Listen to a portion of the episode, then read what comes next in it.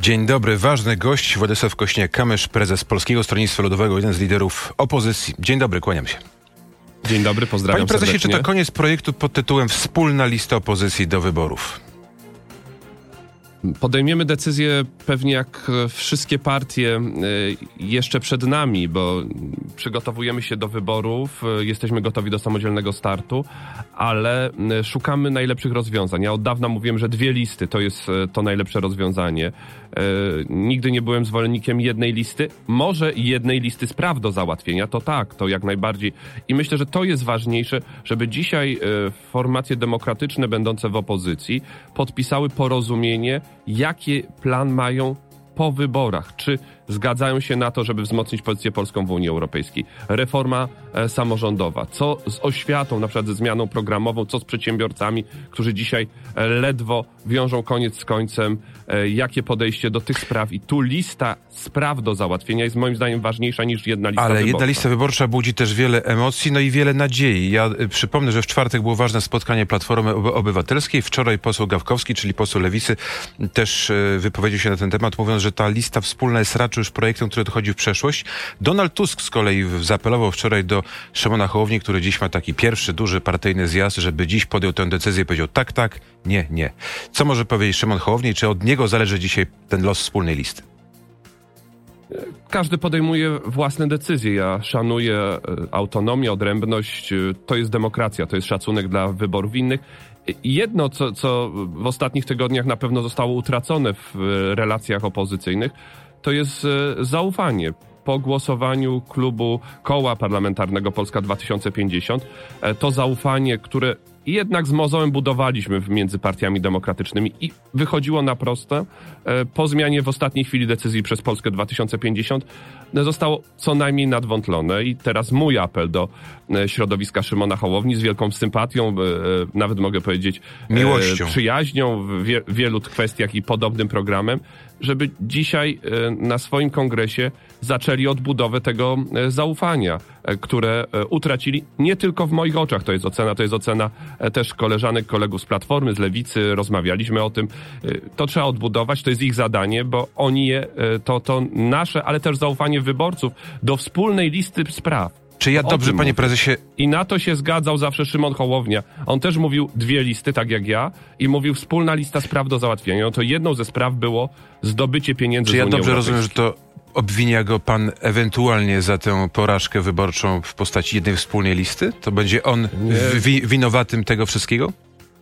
Ja wierzę, że zwyciężymy. I Ale ja pytam Szymon wspólną Hołownia, listę. Jego, jego środowisko będzie e, też współuczestniczyć w tym e, sukcesie i zmianie e, na lepsze. Pójścia do uczciwej Polski. Uczciwa Polska to jest nasz projekt, to jest nasz program. Mam nadzieję, że też przekonamy inne środowiska nie tylko do pomysłów merytorycznych, ale do filozofii państwa. Myślę, że to jest niezwykle ważne. Wszystko, co dobre przed nami. Ja wierzę w mądrość. Najgorsze było, jakbyśmy poszli w totalnym rozbiciu. I tutaj mogę zapewnić naszych słuchaczy, że ja zrobię wszystko, żeby był taki relacje i na opozycji, i takie e, mm, zaszeregowanie, można powiedzieć, takie ustawienie się wyborcze e, w tym wyścigu, żeby dawało jak największe szanse na e, Ja- zwycięstwo. Rozbicie totalne to jest oddanie pola przeciwnikom, to jest położenie na tacy tak naprawdę dla nich No ogromnej to szansy skoro pan mówi w ten sposób, to ja zacytuję marszałka Borowskiego. Marek Borowski, dziś senator, mówi tak. Gdy robimy wspólną listę czterech partii, to mamy 278 mandatów, a do obalenia weta prezydenta potrzeba 276. W porównaniu ze startem osobnym PSL zyskuje na wspólnej liście i to nawet najwięcej. Koalicja Obywatelska też zyskuje, Lewica i mm, Szymon Hołownia też nie tracą, a może nawet minimalnie zyskują. Najwięcej traci Prawo i Sprawiedliwość. Stąd moje pytanie o tą wspólną listę. Skoro jest tak dobrze, dlaczego jej nie ma? Marek Borowski różne wyliczenia mi w ostatnich siedmiu latach przedstawiał. Bardzo e, cenię i szanuję pana e, senatora, pana e, marszałka.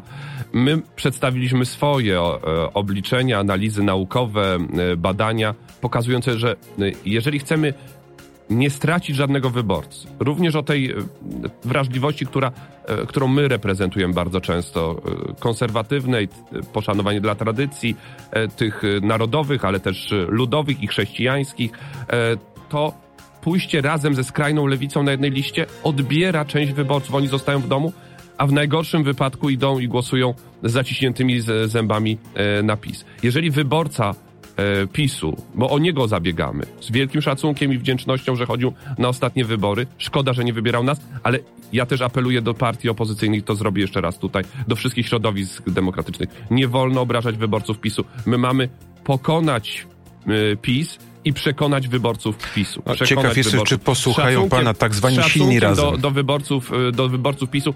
Ważna kwestia y, jest to, żeby ci wyborcy też mieli do kogo przejść. Oni nie przejdą na skrajną lewicę, jeżeli dla nich wartości e, tradycyjne miały o, ogromne Panie prezesie, to już ostatnie pytanie o dotyczące wspólnej listy, bo słucham pana i chyba no, mam rację mówiąc o tym, że to już jest koniec marzenia o wspólnej liście. Jeszcze jeden cytat. Lidl Ale- Ale to nigdy nie były moje Ja marzenia. wiem, ale marzenia wielu wyborców powiedzieć, że, że opozycji. jakieś marzenia się kończą, że, że jak, jak, jak coś nie jest częścią twojego marzenia, em, to, to nie możesz tego utracić. Więc ma, moją e, pan pewnie... intencją i, i ze wszystkich sił będę robił jedna lista spraw do załatwienia i, i taki układ e, sił, takie zaszeregowanie formacji opozycyjnych, żeby dawało Pan zwycięstwo. pewnie śledzi emocje w sieci. Jedna lista nie jest kluczem do wszystkiego, ale totalne rozbicie tak, ale jest rzeczą najgorszą, gorszą niż Cytowałem marszałka Borowskiego. Emocje w sieci są takie, wielu wyborców uważa, że albo jedna wspólna lista, albo śmierć. No, parafrazując trochę mm, Jana Rokitę. Y, Donald Tusk wczoraj coś takiego powiedział, że jeśli ci, którzy przygotowują się do wspólnej walki, zmarnują szansę na jedną wspólną listę, to sytuacja będzie jeszcze gorsza. Więc jeśli tej wspólnej listy nie będzie, to jest to porażka opozycji jako całości, czy Donalda Tuska jako tego orędownika chyba największego wspólnej Po, pora, porażką e, Polski będzie, je, jeżeli złe rządy będą dalej I, i, i za to my podniesiemy odpowiedzialność, tak? To tu, tu, tu e, ja tą odpowiedzialność e, biorę na siebie również jako, jako jeden z tych, którzy przewodzą formacją parlamentarnym startującym w wyborach. To jest wielka odpowiedzialność i to jest wielka sprawa, więc to jest moment finalny. Wszystko zostanie zaakceptowane i wiele zostanie wybaczone, jak będzie na końcu sukces. I, i, i na spotkaniach, a ja od początku roku odbyłem e, już e, masę spotkań e, zachodniopomorskie, kujawsko-pomorskie, Małopolska, Śląsk, Podlasie. Dziesiątki, setki osób na tych spotkaniach i oni mówią, wiecie co, nas tak naprawdę nie interesuje, czy to będzie jedna, dwie listy. Macie wygrać te wybory. Macie zrobić wszystko, żeby zwyciężyć, żeby odsunąć e, tych nieuczciwych ludzi często, e, wprowadzających nas na minę, e, sprzedających majątek narodowy. To jest bardzo ważny temat ostatnio. Ta sprzedaż lotosu budzi ogromne e, kontrowersje, doprowadzający przedsiębiorców przez podniesienie składki zdrowotnej do granic wytrzymałości. Trzeba zrobić porządek z niekontrolowanym poborem składki zdrowotnej, który w efekcie nie idzie na zdrowie. No to jest podwyżka radykalna podatków. Więc ta emocja i odpowiedzialność przekazana na nas jest ogromna. Ja tą e, odpowiedzialność biorę i wiem, że finał jest najważniejszy. Nie dojście do finału, tylko, tylko finał. Albo będzie zwycięstwo i niezależnie e, jaką strategię przyjęliśmy, będzie dobrze, a e, jeżeli e, każda strategia okaże, jeżeli ta strategia jednej listy na przykład okazałaby się w finale, e, że jest porażka, no to i tak nie, nie ma tutaj od kogo zbierać laurów wtedy przecież. Finał naszej rozmowy na antenie radiowej właśnie nastąpił. Władysław Kośniak-Kamysz jest naszym gościem, ale przechodzimy do internetu na rmf24.pl i witamy też słuchaczy w radiu RMF24. Kłaniamy się i do usłyszenia za moment. Do usłyszenia. Władysław Kośniak-Kamysz jest naszym gościem. Przypomnę, panie prezesie, kolejne pytanie i kolejna ważna sprawa to są pieniądze z KPO. To też jest coś, co Polaków bardzo mocno, myślę, elektryzuje. Jak pan myśli, jaka jest szansa ustawy o Sądzie Najwyższym? Wczoraj marszałek Grodzki powiedział, że mm, oczywiście to jest rzecz oczywista, że Senat będzie chciał wprowadzić kilka poprawek, ale marszałek powiedział, że część z tych poprawek, jego zdaniem, przyjmie Sejm. Jak pan myśli, które to mogą być poprawki, które rzeczywiście w Sejmie zyskałyby jakieś poparcie? No, no bardzo bym chciał, żeby to były te najważniejsze poprawki mówiące choćby o doświadczeniu sędziów, którzy powinni orzekać w Izbie Dyscyplinarnej, czy, czy przeniesienie tej Izby jednak do Sądu Najwyższego, a nie do Naczelnego Sądu Administracyjnego, jak jest w tej y, propozycji zaakceptowanej przez Sejm. No, ale obawiam się, że te akurat nie uzyskają poparcia. Te, które mogą uzyskać, to pewnie są poprawki legislacyjne. E, mm, najważniejsze dla mnie jest, e, żeby uruchomić środki z Unii Europejskiej.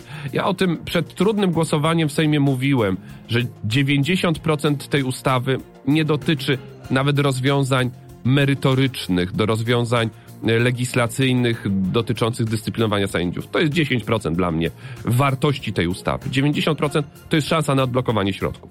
I jeżeli ta szansa istnieje, to my zrobimy wszystko, żeby te środki uzyskać. Nie będziemy przeszkadzać. Nie mogliśmy poprzeć złej ustawy, bo ona jest zła w rozwiązaniach, które... Ja myślę, że to wyborcy Ale rozumieją. Nie, nie, mogliśmy, nie mogliśmy blokować czegoś, co daje szansę na niższą inflację, na więcej inwestycji, na pieniądze dla wspólnot samorządowych, dla przedsiębiorców, dla rolników, na lepsze życie w Polaków. No, no tego, jeżeli ktoś uważa, że blokowanie tych pieniędzy e, jest e, racją stanu Polski, bo mu się rząd nie podoba, no to, to ja się z nim fundamentalnie nie zgadzam.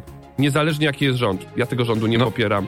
E, u, uważam, że Tak widzi część wyborców opozycji, na pewno ci, którzy są- pieniędzy z Unii Europejskiej dla, e, dla Polaków, bo mi się rząd nie podoba. No, no, na Na pewno ci, którzy no. popierają Szymona Hołownię, tak chyba uważają.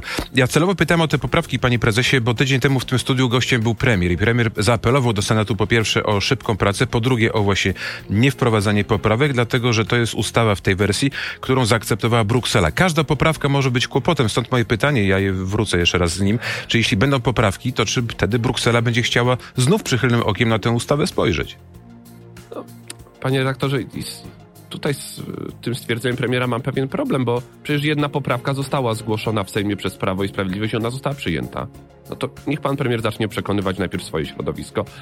Co prawda nie idzie mu dobrze z tym, bo e, minister Ziobro mówi, że on jest zdrajcą e, i oszukał, więc chyba problem nie leży w poprawkach Senatu. Jak będą dobre, to trzeba je przyjąć. E, Unia Europejska nie sądzę, żeby miała coś przeciwko temu, żeby sędziowie orzekający w Izbie Dyscyplinarnej mieli doświadczenie. Nie sądzę. E, A wręcz jestem pewien, że nic nie będzie miała przeciwko. A niech pan premier zajmie się zdyscyplinowaniem relacji pomiędzy sobą a swoimi ministrami, bo to e, marnie No, wygląda. mówił, że w zeszłym tygodniu mówił, że jest po wielu ważnych rozmowach. Wrócę jeszcze raz z tym pytaniem, może to No, będzie ale To wie pretekst. pan, to oni tak rozmawiają ze sobą, że e, minister Ziobro i jego środowisko mówi, że premier jest zdrajcą, oszukał, a pan premier wychodzi na konferencję i dziękuję im za konstruktywny dialog. No, powiem szczerze... Jak to w rodzinie, różnie duża, bywa. Duża, Raz lepiej, raz gorzej. Figury na lodzie wykonane potrójne tulupy to jest nic w porównaniu E, Panie prezesie, może to będzie taki pretekst, jak będzie za dużo tych poprawek, żeby tę ustawę odrzucić i sprawę znów odłożyć. Nie, to znaczy... To, to nie, nie, nie u mnie proszę szukać, ani nie u nas e, tych, którzy by chcieli w jakikolwiek sposób utrudnić szanse na środki z Unii Europejskiej. Oczywiście 100% y, mm, odpowiedzialności za to ponosi zą- rząd, czemu te środki są tak późno, dlaczego one do dzisiaj nie dotarły i czy dotrą w wyniku tych ustaw, ale my nie będziemy w tym przeszkadzać. To, to proszę bardzo, e, przyjmiemy, popracujemy nad ustawą, chcemy lepszej ustawy pod względem merytorycznym, ale intencji ustawy, czyli szansy na odblokowanie środków z Unii Europejskiej nigdy nie będziemy bojkotować. Premier e, mówił w ubiegłym tygodniu, że liczy na te pieniądze w trzecim, czwartym kwartale tego roku. Myśli pan, że jest to realny termin?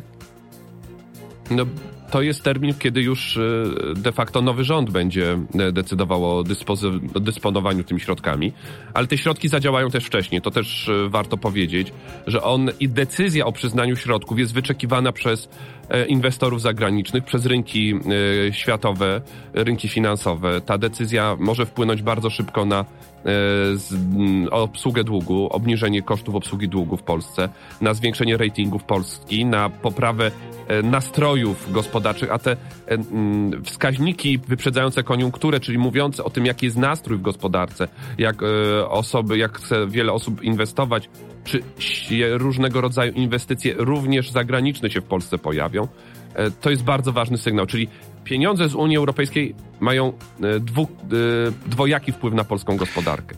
Bezpośredni, czyli trafiają pieniądze, ruszają inwestycje, choćby w odnawialne źródła energii. Tutaj trzeba wiatraki odbudować, odblokować, żeby y, te środki dobrze wykorzystać. I drugi, pośredni, na sytuację gospodarczą Polski dzisiaj. Ten pośredni będzie szybki, szybszy, ten inwestycyjny będzie pod koniec. y, Panie prezesie, innym takim ważnym kamieniem milowym jest ta ustawa o, o wiatrakach. Ja rozumiem, że PSL tę ustawę w całości poprze, bo jest to chyba wasz konik taki, jeśli mogę powiedzieć, od wielu lat.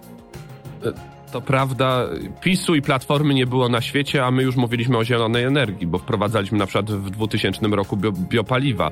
E, wtedy niektórzy łapali się za głowę i mówili, że e, zadusimy silniki diesla.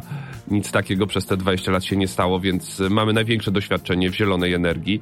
E, jesteśmy po zielonej stronie mocy. E, fotowoltaika, biogazownie, bardzo ważny temat, e, który też musi być ruszony i, i wiatraki. To jest szansa na niezależność energetyczną. My mamy swoją ustawę i nasza ustawa też będzie rozpatrywana, więc powiem inaczej. Ja liczę, że rządzący w 100% poprą naszą ustawę odblokowującą e, elektrownie wiatrowe na lądzie, bo one od 2016 roku są niestety prawie w całości zablokowane i nie ma możliwości. Komisja budowy. weryfikacyjna, panie prezesie, ten temat wróci na najbliższym posiedzeniu Sejmu. Czy PSL podjął już decyzję, czy, czy wyśle swojego przedstawiciela do tej komisji, bo Platforma z tego, co można usłyszeć, absolutnie nie. To jeszcze proces legislacyjny w tej ja sprawie. Ja wiem, wiem, ale mówię, że wróci temat Więc, do y, Sejmu. Nie, nie, nie jesteśmy, znaczy nie, popier nie popieramy tej ustawy, głosowaliśmy przeciwko. E, Powiem szczerze, liczę na weto pana prezydenta w tej sprawie, bo ta ustawa jest skrajnie niekonstytucyjna. E, w procesie administracyjnym nie, wo, nie wolno e, skazywać ludzi na banicję polityczną. E, więc to, to ma być weryfikacja decyzji administracyjnych, która może się zakończyć pozbawieniem prezydenta funkcji. Prezydenta Rzeczpospolitej, drodzy Państwo. E, takie są opinie na przykład Rzecznika Praw Obywatelskich. Więc e, ja też nie będąc przecież wyborcą Andrzeja Dudy, sam startowałem przeciwko w tych wyborach jego wizji prezydentury.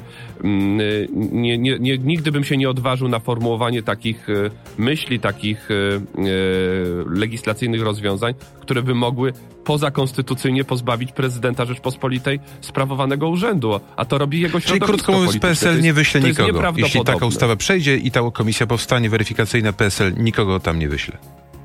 E, to, to jest sąd kapturowy, sąd polityczny, a tak naprawdę nawet sąd osta, polityczny sąd ostateczny e, i nie wiadomo przeciwko komu rządzący go na końcu skierują może go, to jest coś przygotowywane również wobec swojego środowiska, ale to się ani ładu, ani składu nie ma. Opinie są miażdżące e, niekonstytucyjności, ale też zerwanie jakiegokolwiek dobrego zwyczaju, obyczaju, no bo ten atak na pana prezydenta w tej ustawie jest, jest e, zatrważający. No, Panie prezesie, powiedział pan o wyborach, a przyszło mi do głowy takie pytanie, bo po tych parlamentarnych jesiennych w tym roku czekają nas później samorządowe. Myślał pan o starcie na prezydenta Krakowa?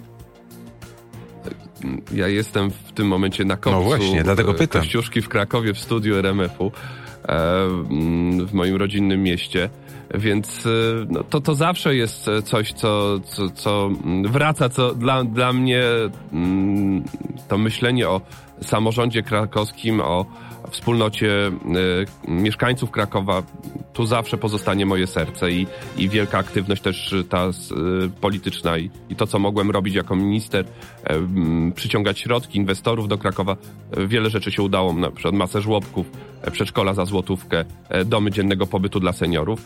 E, zobaczymy, co będzie po wyborach parlamentarnych. Powiem szczerze, one dużo, dużo wyjaśnią nam, e, ale na pewno będę zaangażowany w wybory w Krakowie. To mogę już zadeklarować. Zrobię wszystko, e, żeby następca Jacka Majkrowskiego, którego E, wspierałem od, i wspieram do dzisiaj moje środowisko od 2002 roku, kiedy byliśmy sami, bo mało kto go wtedy wspierał. Dzisiaj się wielu e, przypisuje, ale to było 10-15 osób na samym początku, które tworzyło jego komitet wyborczy, e, żeby te dobre rzeczy, które są, kontynuować, niedociągnięcia poprawić. Panie prezesie, żeby kolejny a myśli pan... w Krakowie był najlepszy dla dla krakowian, dla Bo naszego pan, miasta. Y, y, tak troszkę się uśmiecha, troszkę jest tajemniczy, więc zapytam, czy ta decyzja y, jest rzeczywiście przez pana rozważana poważnie i czy prezydent Majchrowski, który no już jest króląś tam kadencję, nie potrafi policzyć, którą będzie chciał startować raz jeszcze? Pan prezydent Majchrowski jest od 2002 roku prezydentem Krakowa, wygrywał wszystkie wybory. On, no, wygrał.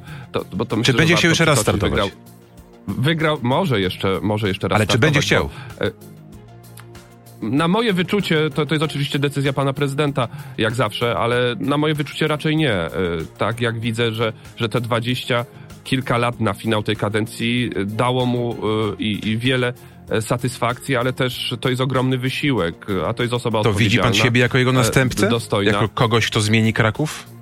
Powiedziałem, że y, zrobię wszystko, żeby y, był jak najlepszy y, następca pana prezydenta Majchrowskiego, żeby to szło w dobrym kierunku, żeby zostało uszanowane to, co dobrego on dla Krakowa i dla Krakowia zrobił. Panie prezesie, Parlament Europejski, ważna debata, ważna sprawa, bo, bo korupcja i tak się składa, że wielu polityków w Parlamencie Europejskim w ogóle nie chciało tej debaty, nie chciało tej dyskusji, a jak było głosowanie, to czterech europarlamentarzystów głosowało przeciw. Trzech wśród nich to byli europosłowie posłowie z Polski. Trzech e, z, nie przepraszam, dwóch z Platformy i jeden z PSL-u, czyli pan e, poseł Hetman. Czy pan z nim rozmawiał na ten temat, dlaczego głosował przeciw? Nie, jeszcze nie rozmawiałem, ale na, na pewno tą ro, rozmowę odbędziemy. Ja bym głosował za. Ja uważam, że, że to tą sprawę trzeba jak najbardziej e, wyjaśnić. E, trzeba pokazać, e, e gdzie e, są zaniedbania i wyciągnąć konsekwencje. Tu, tu nie ma miejsca. Ale to był na, przypadek, że tych trzech, na akurat na czterech posłów na nie, trzech było z Polski, troje na jakiekolwiek, e, na jakiekolwiek e, e, lawirowanie i jakiekolwiek takie pół, półśrodki. Trzeba jasno, jasną tutaj decyzję. Jak pan myśli, skąd ta... ale, ale z chęcią, z chęcią posłucham Skąd ta decyzja? Bo poseł Halicki tłumaczył się, że się pomylił. Nie wykluczam, że, że podobnie było w tym przypadku. Pytanie, czy można się pomylić przy takim głosowaniu? Tylu europarlamentarzystów, a tylko czterech się pomyliło. No i Bogu dzięki wszystko poszło i tak do przodu. Więc e, nikt tutaj nie, nikt, e, nikt e, nie, te głosy nie miały ważnego. No to mam jeszcze jedno do pana ważne pytanie, myślę, bo Łukasz Porycki, wicemarszałek lubuski właśnie z Polskiego Stronnictwa Ludowego powiedział, że będzie chciał zapalić w kominku raportem w sprawie reparacji. Taki wpis w internecie dał i chciałbym zapytać, czy to jest takie oficjalne stanowisko PSL-u w tej nie, sprawie. No to pan dobrze wie, że to nie jest żadne oficjalne, to jest prywatne zdanie i kompletnie niepotrzebne i powinno zniknąć z internetu. Rozmawia pan z nim? Żeby to zrobił? Panie redaktorze, to, to znaczy, yy, to trzeba szybko yy, zastosować yy, i posłuchać dzisiejszej rozmowy, żeby już nawet żadne rozmowy takie indywidualne nie są wtedy potrzebne. Myślę, że ten, ten sygnał, który daje teraz, że no nie ma miejsca w przestrzeni publicznej dzisiaj na takie błędne, głupie wypowiedzi. Trzeba to po prostu skasować i tyle, przeprosić, że się ktoś pomylił. Błędy się zdarzają, ale Panie prezesie, jeszcze krótkie pytanie dotyczące Europarlamentu i polskiego parlamentu, bo chyba i Prawo i Sprawiedliwość i Platforma będą chciały ściągać z Europarlamentu do polskiego Sejmu ważne nazwiska, te duże, które mogą pociągnąć listę. Czy myśli pan również, żeby kogoś z PSL-u ściągnąć na te wybory do Polski? My mamy dobrą listę, mamy bogactwo kandydatów samorządowych przede wszystkim i, i powiem szczerze, y, duża grupa wójtów, burmistrzów, radnych szykuje się do startu w wyborach parlamentarnych, bo wiedzą, że to będzie pierwsza tura wyborów samorządowych. Tak naprawdę wybory samorządowe rozegrają się na jesień tego roku, więc ci, którzy chcą żeby ich wspólnoty lokalne później mogły funkcjonować i miały cokolwiek do powiedzenia, muszą startować i muszą brać odpowiedzialność w wyborach, e, w wyborach e, parlamentarnych. E, my mamy trzyosobową reprezentację w Europarlamencie.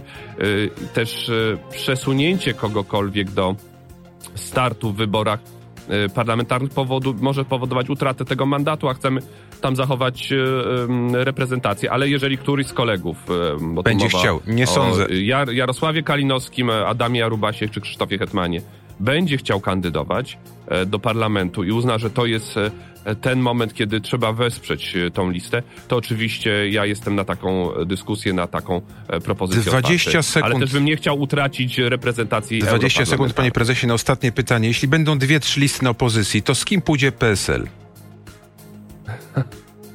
PSL przygotowuje się do wyborów. Jesteśmy jedyną formacją, która jest w parlamencie niezmiennie od 30 lat. E, nie ma drugiej takiej. To jest wielka wartość. To jest obciążenie oczywiście, to jest, bo to niełatwo nie jest nie kuglując, bo wielu kuglowało, zmieniało nazwy, nie kuglując przejść długi marsz, e, nieść bagaż odpowiedzialności, ale też nieść wielki wartość doświadczenia. I podejmiemy najlepszą możliwą decyzję. Jak będę miał coś w tej sprawie do zakomunikowania, panie redaktorze, szanowni słuchacze, melduję się w studiu RMF-u e, i o tym od Trzymamy za słowo, bo nasi słuchacze są najważniejsi. Bardzo dziękuję. Władysław Kośniak-Kamysz, prezes Polskiego Stronnictwa Ludowego, był naszym gościem. Dziękuję bardzo. Wzajemnie i bezpiecznego, bo dużo śniegu w całej Polsce, więc proszę zwolnić noga z gazu, jeśli ktoś będzie jechał. Panie prezesie, dziękuję. Do zobaczenia, do usłyszenia.